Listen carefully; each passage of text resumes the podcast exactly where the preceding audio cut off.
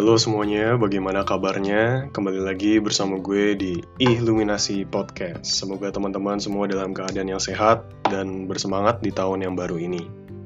Jadi di episode kali ini gue akan bercerita tentang pengalaman gue bekerja sebagai kuli bangunan di Jakarta. Wah, kok bisa ya gue jadi kuli bangunan? Tahun lalu di awal bulan Februari ya gue berangkat ke Jakarta, gak bawa bekal apa-apa, bukan untuk jalan-jalan dan berlibur, tapi untuk bekerja bro.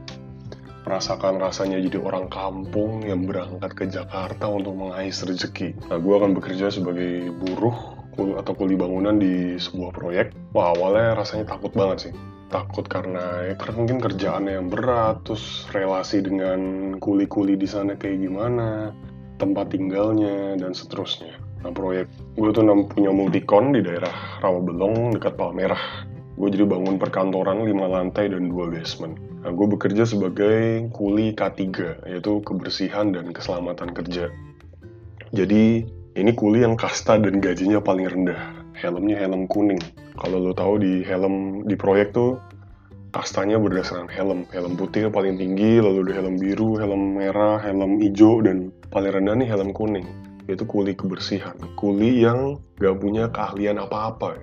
Jadi kalau kuli helm yang lain mungkin punya keahlian nyemen atau listrik, perpipaan.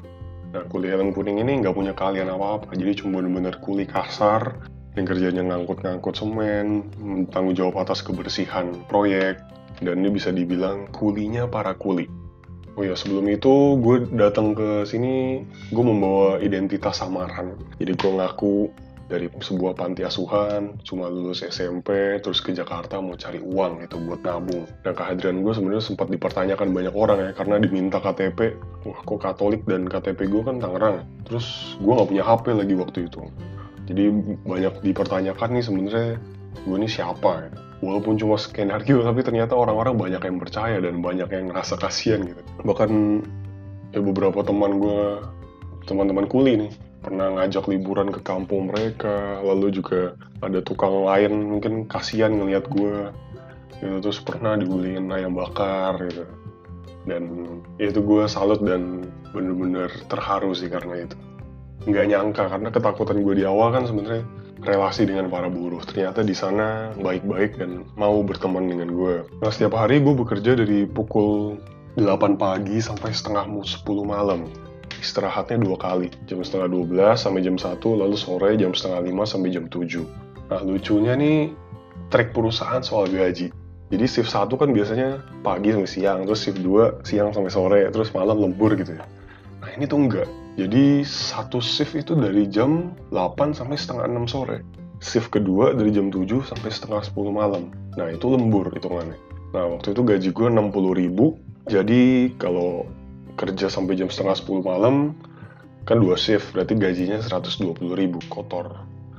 Nah trikinya itu soal waktu kerjanya itu. Jadi satu shift tuh dibikin sampai sore supaya orang-orang tuh pada mau ambil shift yang malam. Karena kalau dalam satu hari cuma ambil satu shift itu kan rugi. Karena malam lu cuma kerja dua setengah jam tapi gajinya dua kali lipat.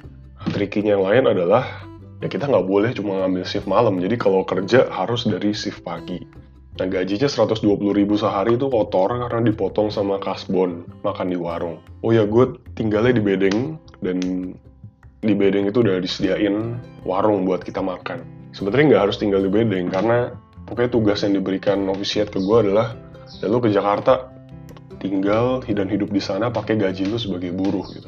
Tapi kan kalau nyewa kos di daerah Palmerah itu daerah Binus itu ya kan nggak mungkin nutup ya ini kan kuli paling rendah mau makan aja susah gitu. Gue mau makan aja takut kalau gaji gue nggak nutup kasbon makan. Jadi gue makan seirit mungkin. Pengen nasi sama sayur tujuh ribuan ya. Seminggu sekali ambil telur atau daging gitu nah gue tinggal di bedeng isinya ratusan orang dan ya ini lumayan menekan biaya pengeluaran ya karena ini gratis. Ya namanya ada harga ya ada kualitas. Di Jakarta mana ada yang gratis. Jadi bedeng itu ya bisa dibilang hmm, jorok banget dan gak ada nyaman-nyamannya sama sekali ya pokoknya gitu aja nggak usah gue ceritain nanti malah curcol dan ngeluh jadi kita lanjut ke pekerjaan gue Nah, pekerjaan gue sebenarnya menjaga kebersihan proyek karena kuli kebersihan kan. Tapi karena posisi kami paling rendah ya jadi sering dimanfaatin untuk pekerjaan yang berat-berat. Paling ringan ya misalnya nyapu, tapi ya namanya proyek yang jadi nyapu debu. Lalu kan ya tukang-tukang lain kan pada buang sampah sembarangan, misalnya bungkus kopi, makanan, botol isi air kencing. Nah itu tugas dan tanggung jawab gue untuk bersihin hingga yang berat-berat seperti kangkut semen, lalu terus beresin sisa-sisa puing dan membuangnya ke tempat pembuangan. Itu jadi tugas kami bersihin itu semua. Saat itu gue baru ngerti dan ngerasain bener peribahasa atau istilah bekerja. Bekerja tuh membanting tulang dan memeras keringat. Gue baru sadar bahwa cuma buat dapat 120 ribu aja sehari. Itu bener-bener tulang gue berasa dibanting dan keringat gue diperas. Yang menurut gue uang sejumlah segitu nggak seberapa dibanding dengan resikonya. Di sini gue baru menyadari betapa susahnya untuk cari uang. Nah terus karena waktu itu kan gue Februari sampai Maret 2020. Nah itu kan musim hujan. Jadi kerjaan gue selanjutnya adalah nguras air. Nah ini lumayan nyebelin. Yang selain kan kalau hujan deras tuh air kan turun ke bawah ya, ke basement. Dan proyek gue nih terlalu pelit untuk punya pompa nyedot air. Wah bener-bener pelit mereka kayaknya mau memanfaatkan semaksimal mungkin tenaga kerja yang udah mereka bayar.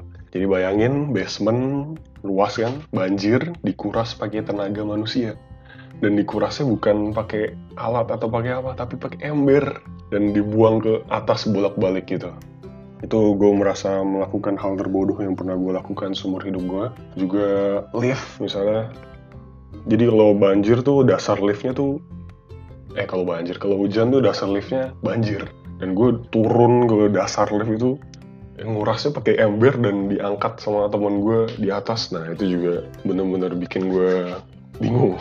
Nah masalahnya kan ya besok pasti hujan lagi terus banjir lagi. Terus gue mikir nih proyek kawan selesainya kalau cuma ngurus banjir basement doang? Ya kurang lebih itu uh, pengalaman kerja yang gue dapatkan selama kurang lebih satu setengah bulan ya menjadi kuli. Apa sih yang gue pelajarin selama di sana? Nah ini yang poin utamanya. Poin utamanya bukan pengalaman ya. Kalau diceritain sih keren-keren aja, tapi sebagaimana bisa gue belajar dari pengalaman itu. Pas dijalanin satu setengah bulan tuh berat banget. Gue kalau bisa kabur kabur sih. Tapi ya ini kan udah tugas perutusan ya. Tapi pas udah selesai nih itu sebuah jadi sebuah kebanggaan tersendiri. Ternyata gue sanggup melewati hidup yang ekstrim dan super berat ini.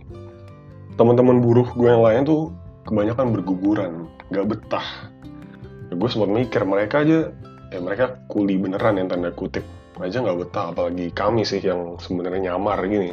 Tapi setelah gue pikir-pikir dan direnung-renungkan masalah sebenarnya itu bukan kerjaan sebagai kuli tapi masalah mungkin niat lalu kualitas hidup manusiawi.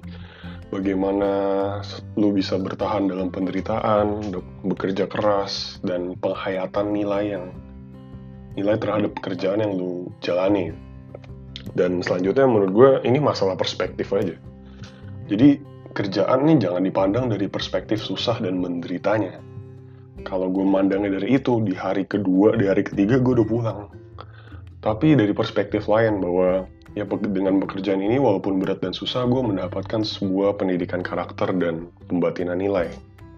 Lalu perspektif lain ya ketakutan yang gue alami di awal nggak seperti yang dibayangkan. Misalnya tadi relasi dengan para buruh atau uh, beratnya pekerjaan ternyata gue bisa menjalani itu semua satu selama satu setengah bulan dengan lancar. Jadi kalau gue boleh narik simpul refleksi suatu pengalaman tuh sifatnya netral.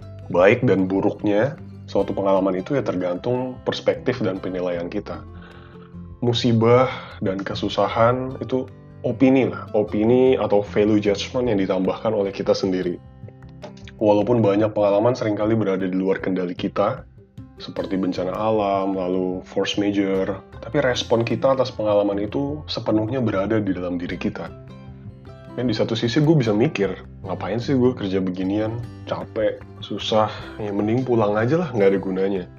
Nah, atau sebaliknya, gue melihat pengalaman ini sebagai kesempatan untuk melatih virtu atau keutamaan lalu ya belajar banyak hal berrelasi dengan orang-orang miskin yang selama ini mungkin gue nggak dekat ke sana dan mungkin ini menjadi kesempatan bagi gue untuk merasakan ya, rasanya jadi orang miskin, rasanya menderita atau mengalami hal-hal yang susah.